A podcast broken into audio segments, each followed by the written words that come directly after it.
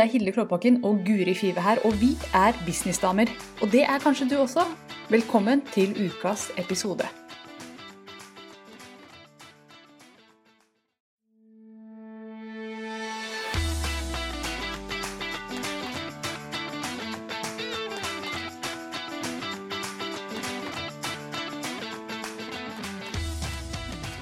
Velkommen, vi er live. Så koselig.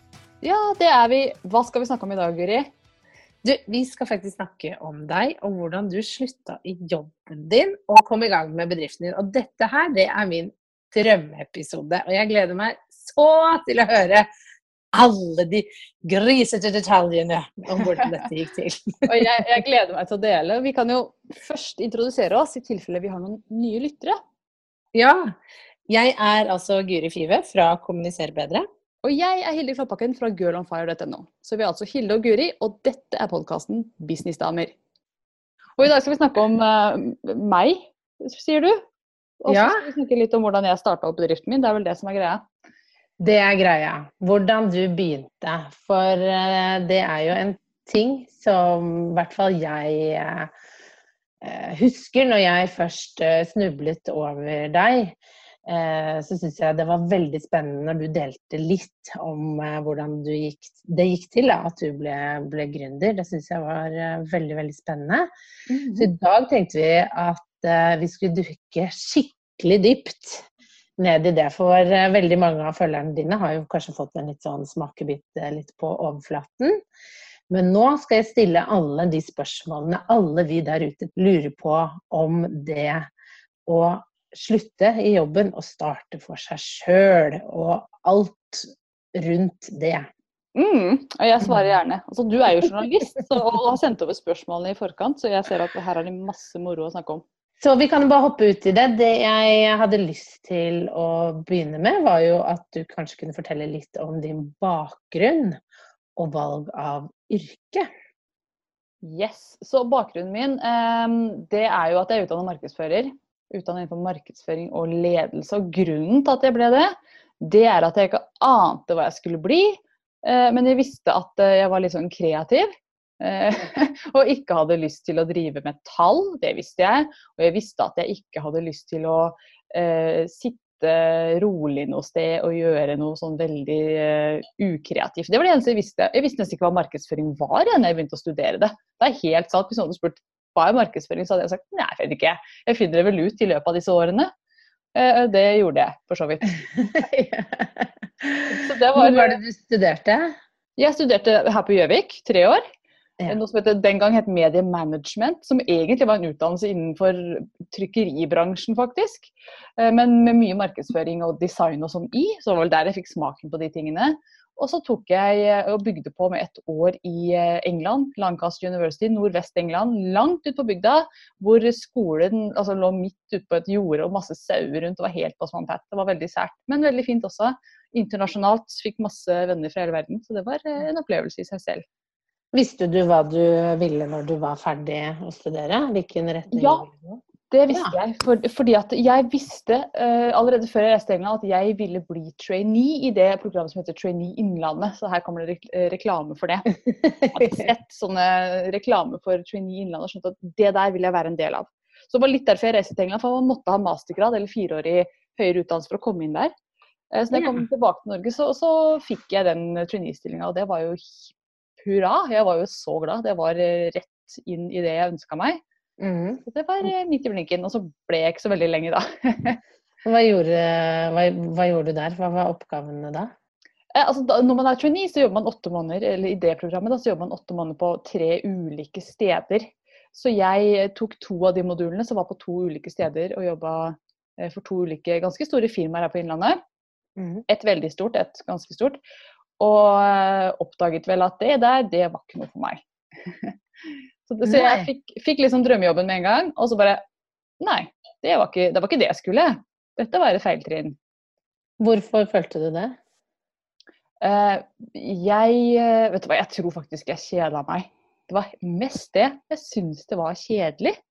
Uh, og det er et sånn barnslig svar. Litt sånn ikke sant? Litt sånn entitled svar. Men nei, sant. Jeg satt der og kjeda meg og tenkte 40 år med det her? No way. jeg skal finne på uh, noe annet. Men uh, når bestemte du deg da for å starte for deg sjøl? Det tror jeg kom liksom snikende over tid.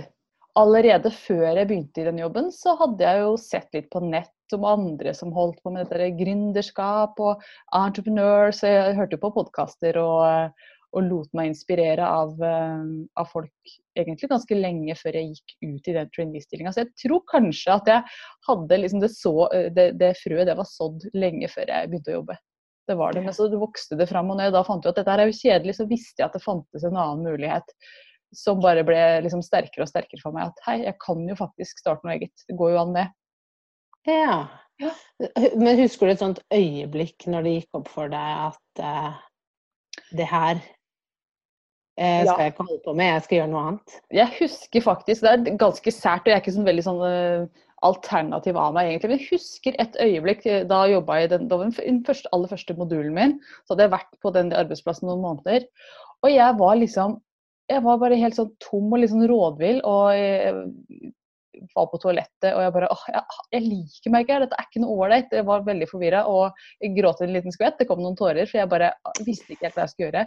Og jeg husker i det øyeblikket jeg da tok steget ut av da var jeg på toalettet. Jeg husker et øyeblikk hvor jeg gikk over dørstokken her. Jeg husker akkurat når jeg kjente at bena mine liksom traff gulvet på andre sida av dørstokken her, så var det et sånn øyeblikk hvor verden liksom bare kom rasende mot meg. Jeg visste at dette kan jeg ikke fortsette med. Så da gikk jeg rett bort til plassen min, og så bestilte jeg en time hos han coachen som var eh, coach for traineene. Ja. Det var liksom det øyeblikket som var vendepunktet, faktisk.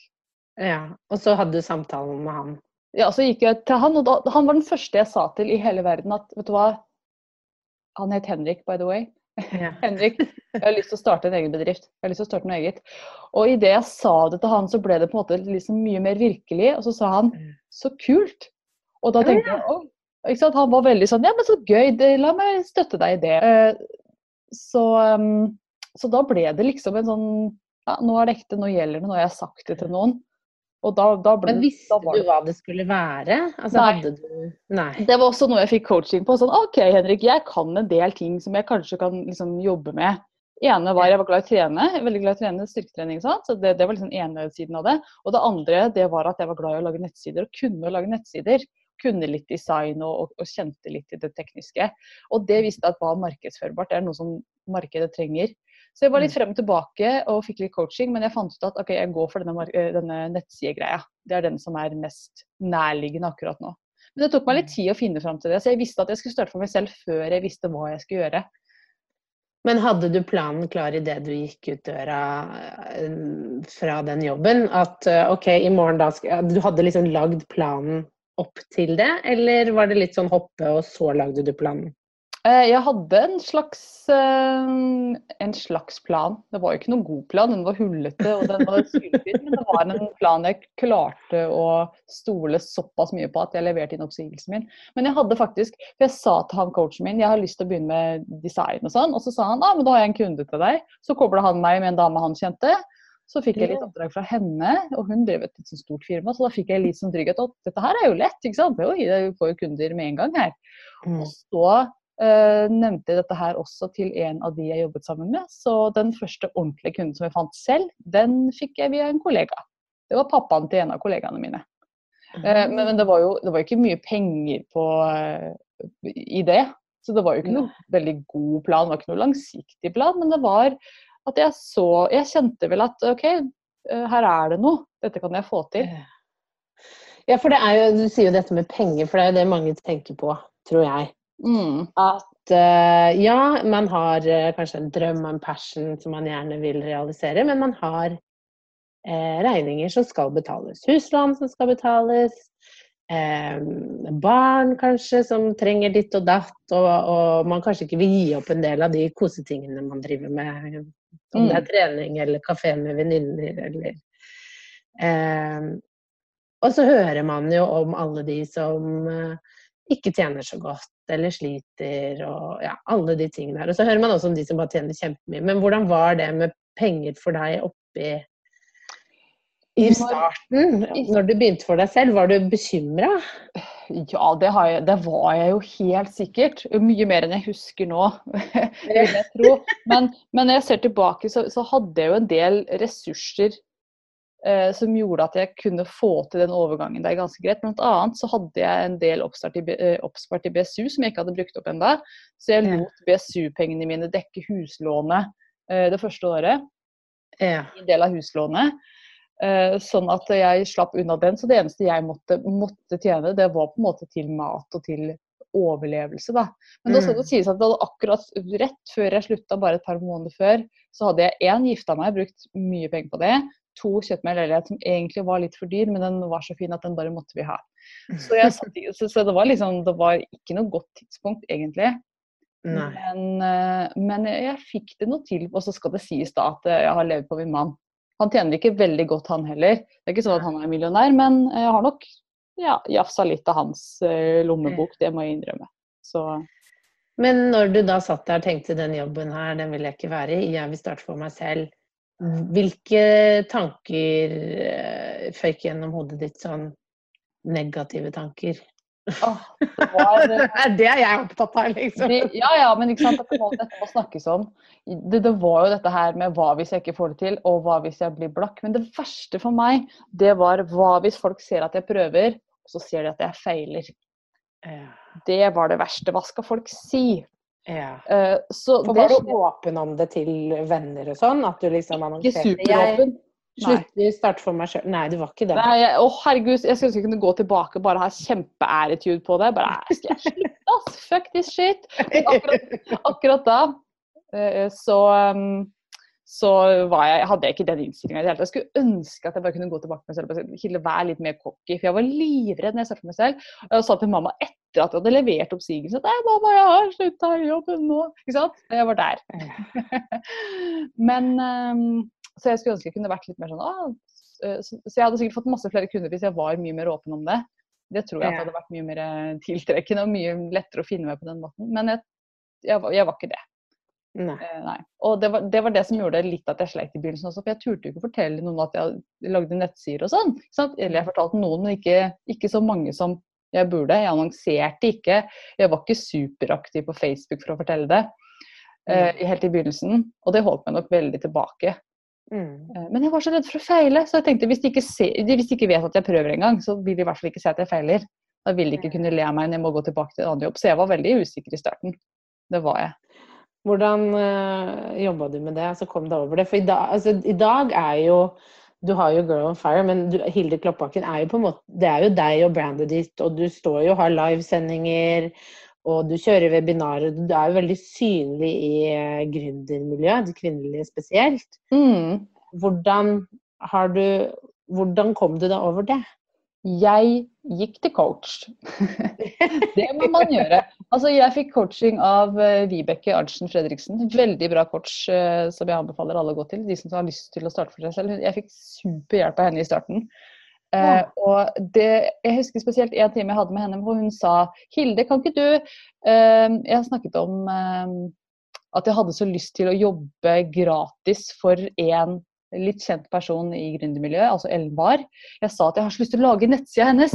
Mm, for jeg ser at hun har en gammel en. Jeg har lyst til å lage en ny en til henne, sånn at jeg får navnet mitt ut der hvis hun kanskje, kanskje anbefaler meg til noen av de hun kjenner. Men så turte jeg egentlig ikke å kontakte henne og si hei, den nettsida di er kjempestygg, kan jeg få lage en ny? Jeg turte liksom ikke å si det. Men så kom Vibeke meg til å, til å, faktisk ta kontakt. Uh, og Ellen sa vet du hva, det hadde vært så fint, for jeg har tenkt på at jeg skulle ha hatt en nettside uansett. Jeg. Så gikk jo dette her kjempefint. Ellen begynte å anbefale meg, nevne navnet mitt rundt omkring. Så da hadde jeg en eh, Jeg følte at jeg hadde et S i ermet da, plutselig. Som jeg ikke hadde hatt hvis jeg ikke hadde turt å strekke ut den hånda. Så det ga meg eh, liksom første eh, Jeg fikk festa fotfestet lite grann, da. Og siden jeg kjente Ellen nå, nå, drar jeg på med hele historien her, er du ikke spurt? Ja, veldig fint. siden jeg nå kjente Ellen, hadde fått én liksom, god kunde, som jeg, hadde jobba gratis for henne, så hun hadde ikke betalt meg eller noen ting. Men hun var fornøyd, og hun anbefalte meg videre. Og jeg bare yes. Så det som da skjedde, var at uh, nå er vi jo på rett før jul 2014. 26.11.2014 mm. bestemte jeg meg for fy fader, jeg skal lage uh, adventskalender for gründere. Og det skal jeg gjøre, for jeg ønska å jobbe med flere gründere. Da hadde jeg kommet fram til at det er gründerne jeg ønsker å satse på, og lage nettsider og, og, og sånn for. Og så spurte jeg Ellen har du lyst til å være med. Jeg var så redd når jeg sendte den e-posten til henne. Eh, men jeg sendte av gårde den og fikk svar veldig fort, i løpet av sikkert bare et kvarters tid, at jepp, det har jeg veldig lyst til å være med på. Det høres kjempebra ut. Nå hadde jeg et stort navn på blokka, nå kunne jeg begynne å kontakte andre mennesker. Og jeg kontakta masse norske gründere, altså det ble 22 totalt, så hadde jeg to av sendingene selv. Eh, så jeg kontakta folk som jeg aldri hadde vært i kontakt med før, som, som jeg bare hadde beundra på avstand, og spurt vil du være med. For da kunne jeg si Ellen var her med, vil du være med? De visste hvem Ellen var. Eller hvis de ikke visste henne, så googla de og så at hun har skrevet bøker. Og, ja. hva, slags, hva var det de skulle gjøre i den kalenderen? Det de skulle gjøre var å lage en femminutters video med sitt beste tips til gründere. Og så skulle jeg stå for distribusjon og, og få dette her ut i verden. Og jeg var livredd, for jeg hadde på en måte lovet alle disse damene jeg så opp til at nå skal du komme ut i verden, og jeg skal Det var jo egentlig sånn markedsføring for dem også, ikke sant. Mm. Uh, og, og, jeg følte bare på presset veldig. Men jeg hadde bare noen få dager på meg. Jeg måtte jo få den første episoden ut 1.12. Hadde jeg hatt mer, mer, tid, så hadde jeg funnet på alle unnskyldninger i hele verden og ikke gjort det. Men det var 26.11. Jeg måtte bare få ut fingeren. Sette opp nettsider, begynne å lage liste. Jeg hadde ikke noen liste, jeg visste ikke hvordan man gjorde det, så alt måtte læres med en gang. Så jeg satt frenetisk og mekka sammen det her. Men da hadde du ikke noen nettside. Da hadde du jobbet gratis for Elvar. Du hadde ikke en egen Girl on Fire var ikke Girl on Fire var ingenting. Jeg hadde en nettside som het gotomedia.no, hvor den var jævlig åpen, den nettsida. Eh, den finnes ikke lenger, så den kan dere ikke gå og se på.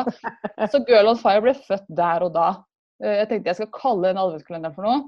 Og så fikk jeg Og det er litt sånn en skal jeg ta historien hvorfor det ble Girl on Fire? eller? Ja, veldig gjerne. Ja, eh, jeg jobbet da med en coach. Jeg, har jobba mye med coacher eh, opp igjennom. For å, ja. Og hver gang jeg jobber med coach, det må jeg skyte inn. Hver gang jeg jobber med coach, så blir det et nytt løft. Jeg gjør noe jeg ikke tør. Får ny, et, et, nytt løft, et nytt trinn opp. Eh, så da jobbet jeg med en coach som het Marcy Morrow, og hun coacher meg på det at um, ja, på det her med å våge. Det var hun som fikk meg til å sende den e-posten uh, til alle disse gründerne mm. og spørre om de ville være med osv. Så, så ja, få coaching. Så jeg bare. Uh, og så Hva var det jeg skulle si? Jo, og så sendte hun meg et klipp. Når jeg sa 'herregud, alle sier ja', så sendte hun meg et klipp av 'Girl on Fire', den sangen. Ja. Og så, og så, Alicia Keys? Alicia Keys, Jo, ja. stemmer. 'Girl on Fire'. Hun sendte meg det klippet. Og så tenkte jeg da skal jeg være morsom mot Marcy, for vi ble liksom venninner også. Så jeg laget en kjempes-awkward video hvor jeg danser til deg. jeg drikker vin jeg var på konferanse. Og jeg danser det deg. noen... Da, den skal deles i hardt fortsatt. Jeg har tenkt på at Den må jeg dele i en eller annen sammenheng. Så den kan jeg legge inn på bispis.no. Hvis noen har lyst til å se den. Men i hvert fall så, så sendte jeg den tilbake til Marcy, og hun syntes dette var veldig festlig. Så, så da ble det liksom bare at den, den sangen den festa seg litt. Og så Det som var snodig, var at jeg, jeg hørte den flere ganger samme dag. Den dukka opp, og den var ikke på hitlistene da. Ja, hørte, ja, det er den. Og jeg hørte den tilfeldigvis flere ganger i løpet av dagen. tenkte at her er det et eller annet. Hva er det universet prøver å fortelle meg nå? Så jeg kjøpte det domenet og brukte det på den adventskalenderen, som da kom ut eh, i advent 2014. Og på den måten begynte jeg å bygge lista mi og bygge, begynte å få navnet mitt ut der da, via alle disse andre norske gründerne. Så jeg brukte andre for å komme ut der, og bygde meg et nettverk på den måten. Og jeg ser tilbake og tenkte jeg, fy faen, så genial du var da, Hilde! Så genial kommer du aldri til å være igjen. Det var mitt høydepunkt. Ja, det var det. Ja, jeg tror det. Så men, ja. ja. for det er jo noe med det å, eh, sånn som du sier, da få litt hjelp og drahjelp av andre. Eh, men merket du Du var jo sikkert litt nervøs når du tok kontakt, det sa du jo. Og så i etterkant, fikk du noen tilbakemeldinger fra de som har gitt deg drahjelp? Eh, hva de syns og sånn? Eh, ja, det gjorde jeg helt sikkert. Jeg tror de var fornøyde.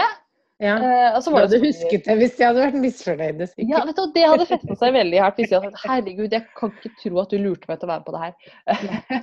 nei, de fleste sa nei, vet du hva, dette høres bra ut, det.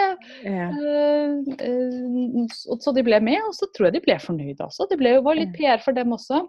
Ja, ikke sant? Det var jo ikke kjempestore navn, de hadde ikke hundretusenvis av følgere de heller. Men jeg så veldig opp til dem da. Ja. så det var liksom gratis markedsføring for dem, og jeg tror de ja. Men du nevnte jo at du jobbet eh, gratis for Ellen Var. Mm. Um, Er det noe du anbefaler andre å gjøre når man er litt sånn i oppstartsfasen?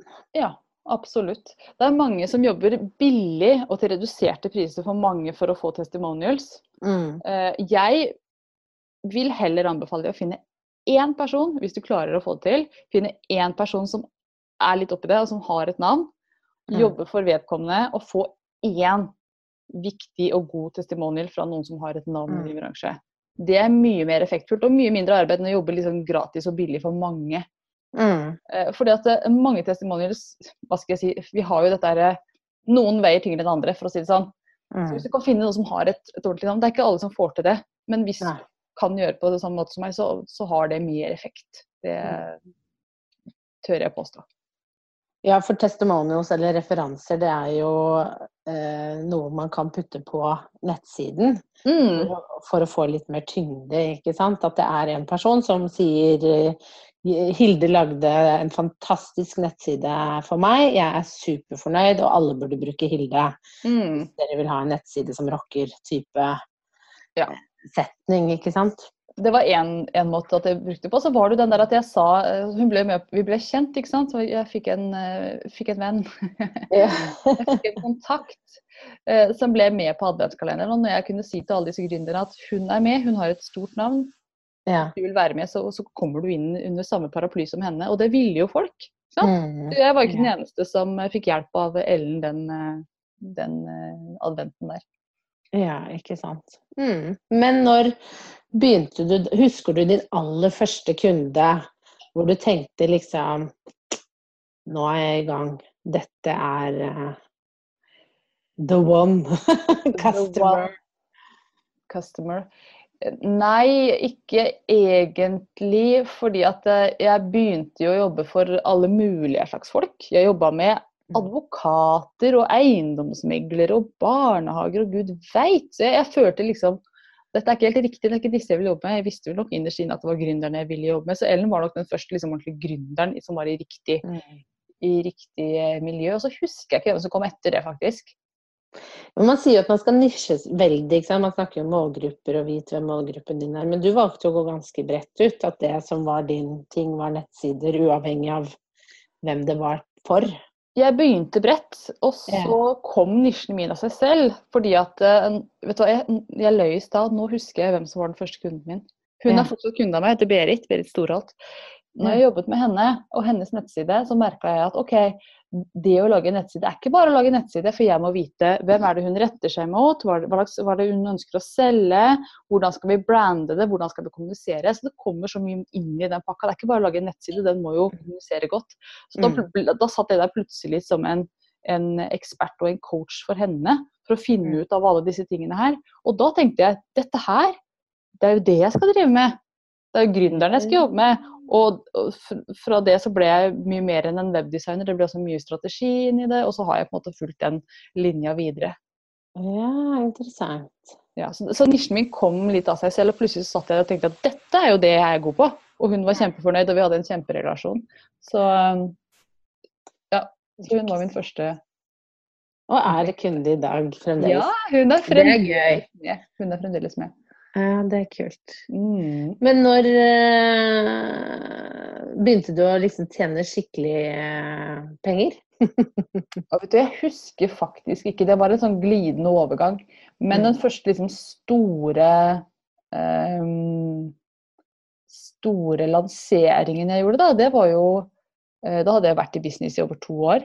Og Da, det var jo våren 2015, liksom noen måneder etter adventskalenderen. For den feilen jeg gjorde at når jeg kjørte adventskalenderen, da hadde jeg jo masse, ikke sant, det var mange som så meg, men jeg hadde ikke noe å selge dem. Ingenting. Nei. Det burde jeg jo hatt. Eh, Så noen måneder etterpå, jeg begynte liksom frenetisk å snekre sammen noe, så noen måneder etterpå så lanserte jeg det første kurset mitt, og der, der fikk jeg Første gangen eh, jeg lanserte, så tjente jeg 30 000 kroner på det. For det kosta 1000 kroner, nei 3000, og jeg hadde ti deltakere, testdeltakere. Mm. Og så lanserte jeg det igjen, og da tjente jeg jo flere hundre tusen kroner på det kurset. Og tenkte at her, vet du, dette skal jeg drive med online-kurs og lanseringer på nett, det skal bli min greie, for her er det penger å hente, og dette er kjempegøy. Eh, Så, um, så da begynte det å bli liksom mye penger av det, da. Ja, ja, ja, ja. Men så ble det jo stille igjen da i måneden etterpå, så skal ikke si at jeg tjente så mye hver måned. Men det var disse morsomme toppene som bare Oi, det går an. Det går faktisk an. Ja. Men for hvordan er det når du da eh, har det sånn at eh, det er topper, og så er det måneder hvor det ikke er så mye. Er du stressa de månedene eh, Det er to ting. Koser du deg den måneden hvor det er på topp, og du gjør du noe sånn crazy, kjøper deg en fin veske eller litt sånn? Og nummer to, når det går dårlig, hva gjør du da? Ligger du og griner, stresser, deg, får ikke sove? Ja. Det er litt sånn. Det har vært, ja, men det har vært sånn, jeg skal ikke legge skjul på det. Det har vært tårer, det har vært stress, det har vært uh, utslett fordi jeg har vært så stressa. Det har vært igjennom dumps. Det har ikke gått bare bra. Jeg, jeg snakker stort sett om det som går bra, men da har det jo gjennom disse årene vært uh, tidspunkt der jeg bare ikke vet hvor pengene skal komme fra neste måned. Og det har jo alltid gått helt fint, men det vekker jo stress. Men hva jeg gjør på de når det går veldig bra, så da, da tar jeg selvfølgelig ut en feit lønn til meg selv, da. Og drar på ferie, og ja, jeg danser litt på bordet når jeg kan. Jeg, jeg gjør ikke noe helt crazy, men eh, det blir litt, eh, litt feiring da. Det må jo være lov.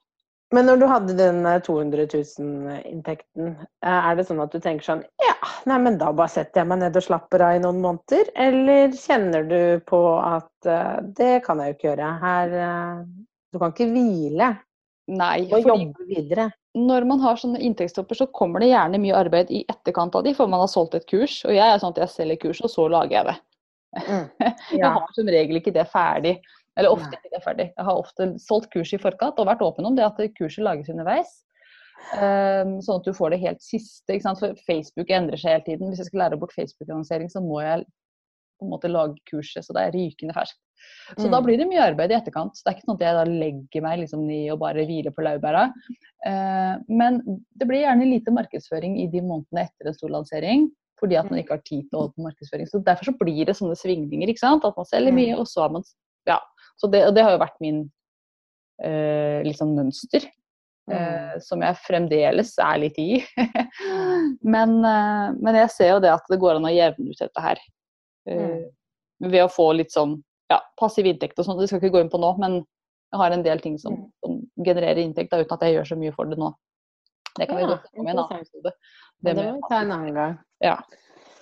Men uh, du har jo nevnt at du, du begynte med nettsider, og så over til online-kurs. Hvordan, hvordan var den overgangen der, egentlig? Var det litt sånn Den var veldig glidende. Ja. Og den kom av seg selv. Det har aldri vært Det er ingenting jeg har gjort i min business som har vært sånn forced. Det bare ikke sant? En kunde kommer og spør 'Hilde, kan ikke du lage kurs på det?' eller 'Kan ikke du lære meg det?'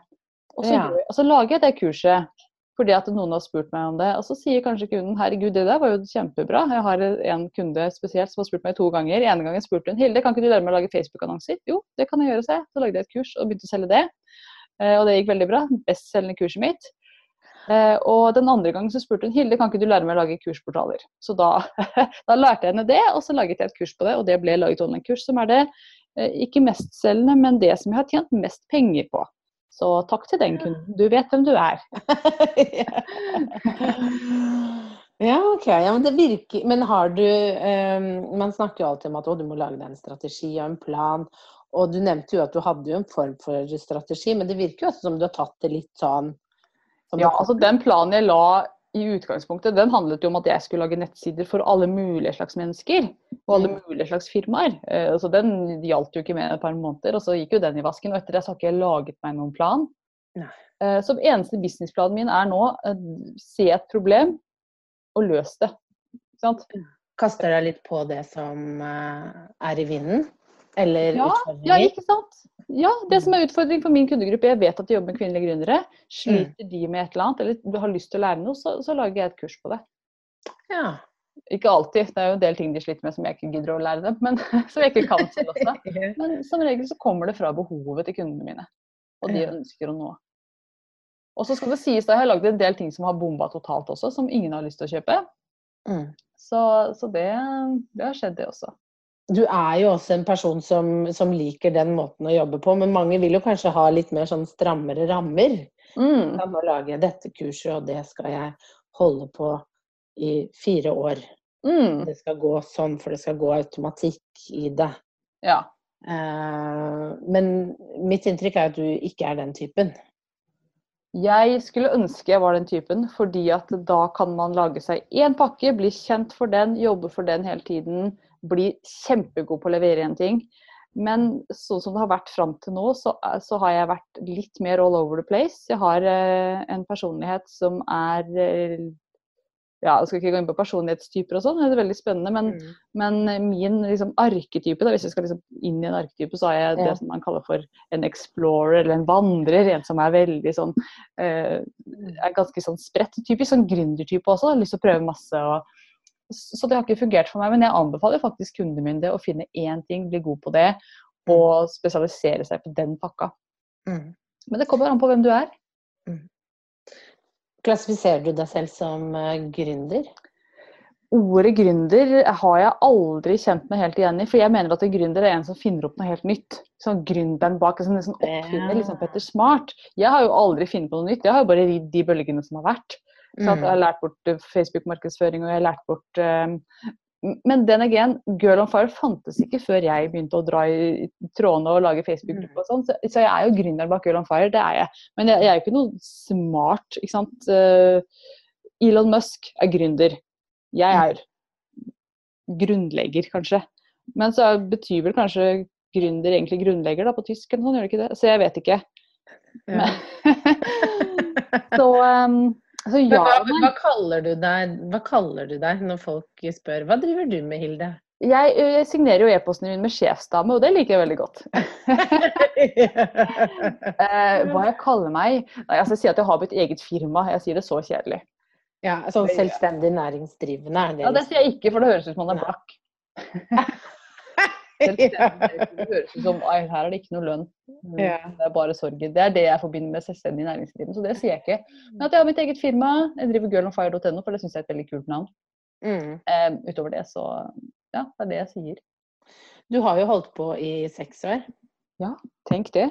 Gjennomsnittet er jo fem, fem år. Da går jo veldig mange konkurs. Det er liksom den der magiske grensen som man snakker om. Ja, Du har liksom kommet over den, du. Kneika. jeg eh, Nei, jo det har jeg. Det er jo over fem år nå. Ja. Ja, det har jeg visst. Eh, Jeg vet ikke når det skjedde. Men ja, jeg har, jeg har nok det. Og det, det handler jo om at jeg har jo nesten ingen utgifter i bedriften min. Det er meg og Mac-en. Og hvordan er en dag? En- Det må vi ta. det er, eh, det er Vet du hva jeg skulle ønske å si? De er så varierte, men det er jo ikke det. Det er meg og Mac-en. Eh, gjerne på hjemmekontoret. Jeg jobber mye også fra kafé og ute hos kunder. Og, og også på ferie. Jeg har jo reist jorda rundt. Jeg har lansert, jeg har lansert fra øh, Hanoi og Filippinene og sånn. har Jeg lansert. Jeg har en sånn tendens til å reise til utlandet jeg skal lansere, ikke spør hvorfor. Eh, Jeg tror det er min en egen angst som gjør at jeg ikke tør å være i landet. Men uh, en dag Nei, altså det er jo veldig, egentlig ganske ensomt. Sitter mye alene og jobber og skriver og, og lager livesendinger og lager videoer og sånn. Jeg sitter jo alene, men prøver å kommunisere veldig ut i verden. Men jeg, jeg er veldig sånn som type veldig glad i å være alene. Jeg er ekstrovert, sånn, hvis man skal ta en personlighetstest, men jeg, er, jeg, jeg liker å være alene. Jeg trives i mitt eget selskap. Jeg savner faktisk ikke kollegaer fordi at jeg har så mye kundekontakt. Ja, for det er jo noe mange er redd for, da, apropos det vi startet med, er jo dette med sånne betenkeligheter med å starte for seg selv. Mm. Det, er jo, eh, det ene er jo penger, selvfølgelig. Hvordan skal det gå? Og det andre er jo ja, men skal jeg bare sitte helt alene? Ja. Blir det bare meg, da? Mm. Hvordan, hvordan, hvordan skal nå dette gå? Da kommer jeg til å savne kollegaer, ikke sant. Den type ting der. Men du har ikke kjent på det? Vet du, jeg har jo Altså av og til så har jeg nok det. Noen å um, spare med av og til. Mm. Har jeg nok savna, men ikke, ikke i veldig stor grad. Det kan jeg ikke påstå. Så, men det kommer jo veldig an på hvem man er da, som menneske.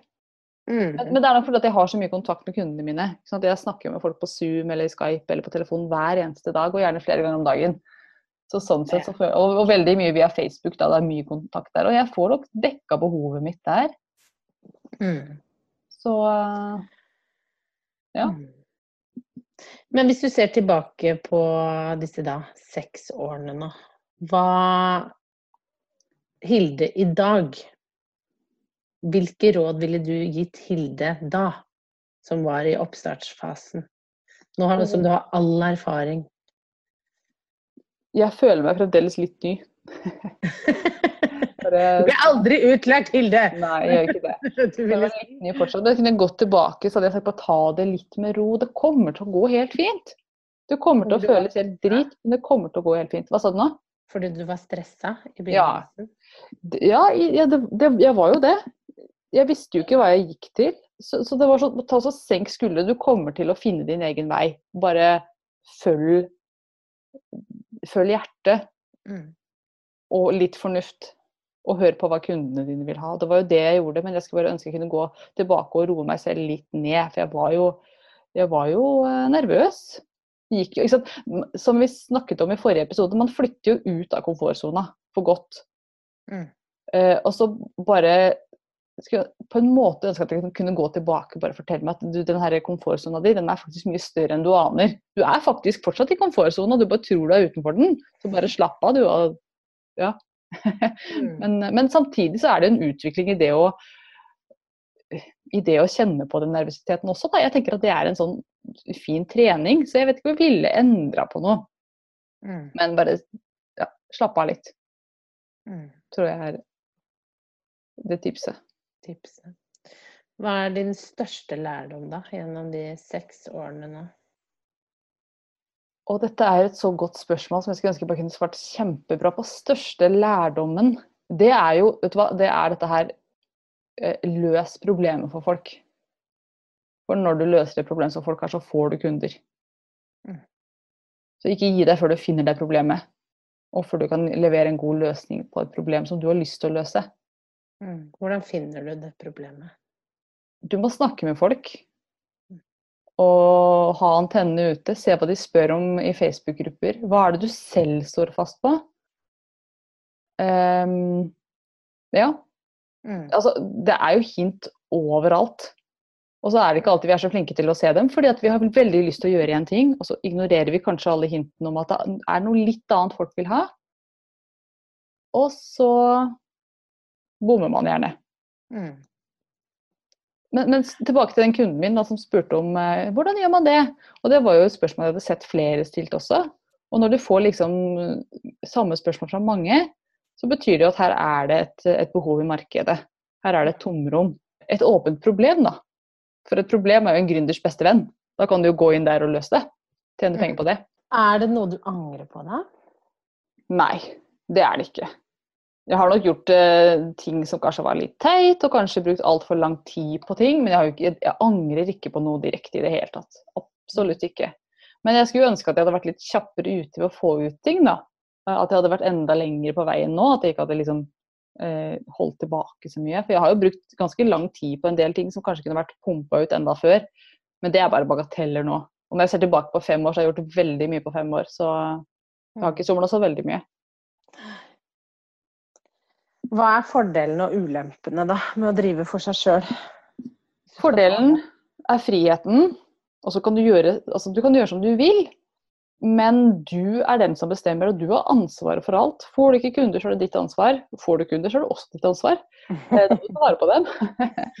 Eh, og regnskap må du ta ansvar for, du må holde styr på ting. Så det er mye ansvar, på godt og vondt. Eh, noen vil si at det er en ulempe, andre vil si at det er en fordel. Eh, jeg er veldig glad for at jeg har lært meg å ta det ansvaret og lært meg å mestre det. Så det er veldig mye mestring av det jeg driver for seg selv. Men så er det også den der ulempen er jo, i hvert fall for min del, at pengene kommer ikke inn med mindre jeg jobber. Så det har vært veldig mye jobbing. Altfor lite fritid. Det mm, ser tilbake nå, så har jeg ikke Når jeg har vært på ferie, så har jeg jo jobba hele ferien. Jeg har jo lansert på feriene mine. Så det har jo vært uh, ja, for mye jobbing, egentlig. Sliter du med å legge bort? Ja. Jeg elsker det som Jeg syns jo det er så gøy. Så på den måten så sliter jeg litt med å, å, legge det bort. Men på den annen side så er det jo um, skal jeg si Jeg har jo lyst, jeg gjør det med vilje. så, Og mannen din, hva sier han da? Han, han uh... håper nok at jeg kanskje kommer tilbake snart. Hilde, nå har du jobba i fem år. Kanskje du skal gi meg litt oppmerksomhet. Nei da, jeg er ikke så ille. Men um, ja. han, eh, han, er, han støtter meg veldig. Mm. Og syns at det er kult det jeg holder på med. Men han, han ønsker nok at jeg kanskje skal være litt mer til stede. Mm. Det tror jeg fortsatt. Å jobbe med saken. Men er det viktig når man starter for seg selv, at man har folk rundt seg som er Ja. støttende, tror du? Jeg hadde ikke klart det hvis han ikke hadde, hadde støtta meg. Det hadde jeg ikke. Da hadde jeg ikke turt. Jeg hadde ikke klart det økonomisk. Så det er, det er mange Og han har plukka meg opp flere ganger når jeg har vært helt nede. Og nå slutter jeg. Dette klarer jeg ikke. Orker ikke. Jeg hater, jeg hater det jeg driver med. Alle hater meg. Hender jeg tror alle hater meg. At alle kundene mine hater meg hvis jeg gjør noe feil. Eller, ja. Mm. Det er masse demoner inni det hodet her, altså. Fortsatt. Det skal jeg love deg. Men, ja, men det, det kan jeg si, jeg har ikke fått noe negativt fra noen kunder. Ikke den eneste en nesten som har sagt noe negativt til meg, den som er slemmest mot meg, det er meg. Og det tror jeg gjelder alle gründere. At vi er kjipest mot oss selv. Ikke sant. Mm. Så, så slutt med det. Og så er det jo mange som eh, har veldig lyst til å starte for seg selv, men som kjenner på en angst alle disse bekymringene vi har snakket om. Mm. Som, som sitter og er veldig livredde for å hoppe. Ja. Hva, tenker på alle risikoene, og alt kan gå galt. Man ser også fordelene, men det er for mye mentalt som foregår. Hva, hva, hva Har du noen tips? Ja, altså jeg har jo egentlig mange tips til dem. Eh, men, men det tipset som fikk meg over kneiken, og som tenkte at du, nå gjør jeg det, det er jo for det første Det er faktisk to deler her. Det første, jeg innså at jeg kommer aldri til å kunne få fred med meg selv hvis jeg ikke prøver. Jeg kommer til å gå og tenke på det hele tiden. Det blir som et gnagsår på innsida som aldri kommer til å slippe taket. Jeg kjente den indre businessdama mi. Hun var så sint. Hun var så, hun var, altså det var så mye energi da, som var sperra inne. Jeg følte at du, hun må faktisk bare ut. Jeg må bare slippe henne ut. Jeg kan ikke, jeg sover ikke ordentlig godt. Jeg tenker bare på at jeg skal starte meg selv. Jeg må bare gjøre det. Så jeg bare innså at vet du hva, jeg er nødt til å gjøre det. Så får det briste eller bære. Så det, det er det ene. Sånn, kjenn litt på den følelsen. Hvis du vet at du ikke kommer til å klare å glemme det, så ja, da vet du hva du må gjøre. Og det andre som jeg syns var veldig ålreit få coaching på, det var dette her. Hva er det verste som kan skje? Sett deg selv i det verste scenarioet. At jeg ikke klarer å tjene penger i bedriften min. Eh, hva er det verste scenarioet? Jo, da må jeg enten tilbake i jobb. Ja, det vil skade egoet mitt. Det blir ikke noe stolt øyeblikk det å måtte gå tilbake i en jobb. Men, men det kan jeg tåle. Det er det verdt å, å prøve, for å prøve. Den andre tingen som kan gå gærent, eller som kan skje, er jo at jeg ikke får noen inntekt, og heller ikke får meg noen jobb etterpå fordi at jeg har, har et hull i CV-en da og prøvd. Så at ingen har lyst til å ansette meg, trodde Ja, jeg Ja, det er jo litt sånn Det er jo en sånn verste scenario. Ja, og det er jo ikke sant. Jeg hadde jo utdannelsen min, og jeg hadde jo driven, jeg hadde prøvd mitt eget firma, så jeg tror jeg absolutt var ansettbar. Men jeg var redd for at jeg ikke kom til å være det. Og da tenkte jeg da må vi leve av min manns inntekt en stund. Jeg får jo en jobb en, en, en dag. Og da blir det jo å måtte selge leiligheten og gå tilbake til eh, en mindre leilighet som vi hadde før. Så det var jo ikke noe det verste scenarioet. Det var jo ikke noe ille i det hele tatt, ikke sant? Egentlig. Så jeg, jeg innså etter hvert at vet du, det eneste som holder meg tilbake nå, er egoet mitt som ikke har lyst til å få den bolken. Skal jeg la mitt eget ego Sånn redd for å bli såra på egoet. Skal jeg la det stoppe meg fra å følge drømmen? Og da innså jeg at vet du det kan jeg ikke gjøre. Kan ikke la det skje. Så det jeg gjorde var at jeg skrev oppsigelsen min, lot den ligge på PC-en min og hadde den klar til uh, anledningen bød seg. Og plutselig en dag, uten at jeg visste hvilke, at det kom til å skje, når jeg gikk på jobb den dagen, så ante ikke jeg at jeg kom til å gå ut igjen og hadde sagt opp. Men vi hadde medarbeidersamtale, jeg hadde glemt det. Jeg ble invitert inn på sjefens kontor, og han spurte Hilde hva vil du egentlig? Og da tenkte jeg dette er min mulighet. Så jeg leverte oppsigelsen der og da, og um, så var det greit. Hadde bare én måneds oppsigelsestid siden jeg var trainee, Mm. og så var jeg ute. Og jeg husker fortsatt den følelsen når døra slo igjen bak meg siste dagen på jobb. Det var en veldig spesiell følelse. Det var sånn, jeg husker den lyden og den, det luftdraget. Det var sånn svingdør. Mm. Jeg husker det øyeblikket hvor det var sol, og det var, eh, eh, det var eh, i november. Det var sånn høstsol. Mm. Og jeg kjente liksom at nå, nå begynner livet. det var litt sånn følelse. Hvordan Det har jeg alltid lurt på. Første morgen hvor du våkner og vet at nå skal Nå er det bare meg og hodet og PC-en som gjelder. Ja. Hvordan var det? Oh, jeg skulle ønske jeg huska det enda bedre, men jeg vet at jeg hadde noe å jobbe med. For at jeg hadde en kunde som venta på å få levert og greier. Så jeg hadde noe konkret å begynne med. Og så husker jeg også at jeg hørte veldig mye på My Way. I did it my way. Fordi Det siste jeg hørte når jeg var i corporate, hun ropte etter meg en dame som het Ellen som jobbet sammen med. Hun, hun, ropte til meg 'Hilde, husk My Way på mandag', da! For hun mente at jeg måtte spille den, så jeg fikk det tipset av henne at spill den sangen. til deg selv. Det var det siste jeg hørte før døra slo igjen bak meg. Og jeg tok tipset hennes.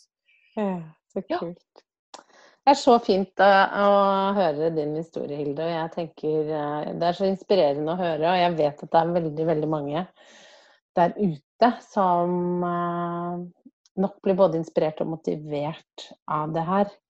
Mm. Eh, og hvordan du har gjort det, og hva du har fått til. For du har virkelig fått til så utrolig mye, så det er så gøy å høre på. Vi kan jo Jeg kunne stilt deg så mange flere spørsmål, men på et eller annet tidspunkt må vi jo sette en strek. Så vi får vel kanskje si at eh, det var det. Så eh, hvis det blir eh, full etterspørsel etter mer, mer, mer, så kan vi jo dykke ned igjen. Men det var veldig gøy å få vite enda mer om hvordan eh, Girl on Fire ble til. Det var veldig gøy. Mm. veldig gøy. Ja. Jo, takk for det. Det er jo fint å kunne se tilbake også, og se tilbake på, på fem Mm. år med ups and downs. Og jeg har jo fortalt mest om upsene nå. Det har vært mange downs også, og de kan vi jo snakke litt om i andre episoder. Ja. Helt klart. Det, det blir sikkert muligheter for det. Ja, vi Jeg skal syns du har vært flink til å dele, jeg. Både opp- og, og nedturer. Det, Ja, så bra. Så det bra. er et glansbilde. Nei, jeg ønsker ikke å Å, det har vært så lett, og det er bare å starte. For sånn har det ikke vært. Det, Nei. nei. Nei, det syns jeg ikke. Og det tenker jeg at det skal det, eh, er fint. Og det er det jeg mener med at det inspirerer og motiverer. For det er fint å høre eh, at du som har kommet så langt, har de samme tankene som veldig mange der ute. Og du har vært igjennom eh, det å ligge og grine og bli plukka opp av mannen din, eh, type varianter. Og det også å danse på bordet og tjent mye penger. Ja. Livet generelt, liksom. Og én ting jeg, bare, jeg må bare si det, det er, det er mange damer som hører på nå. Kombinasjonen lite penger, stressa gründer og PMS, den er helt jævlig. Så hvis, hvis noen kjenner på den, så er dere ikke alene. Jeg har blitt kjent med min egen PMS i mye større grad etterpå. Og stakkars mennene, eller samboerne, som opplever alt dette. Ja da, han har fått eh, Men han, skjønte, han skjønner jo hva det Når jeg er midt i det, så skjønner ikke jeg at hormonene mine er løpsk. Men han skjønner det. Så han vet at det går over. Jeg ser det ikke i det hele tatt. Så ser jeg det dagen etterpå Oi, sorry at jeg var så gæren i går. Jeg skjønner jo nå hvorfor. så sånn er det. Ja, sånn er det. Ja, Det er noe må- alle vi sliter med, tror jeg. Rett og slett. Ja, det er nok eh, Mm. Jeg er ikke alene om det. Oh, Skal vi la det bli siste ord? Ja, vi gjør det. Ja. Tusen takk for, eh, for dette, Guri. Kjempefint intervju. Man skjønner at du er journalist. Dette kan du. Ja, vi får se. Ja, Det var en hyggelig samtale, da, syns jeg. det var det.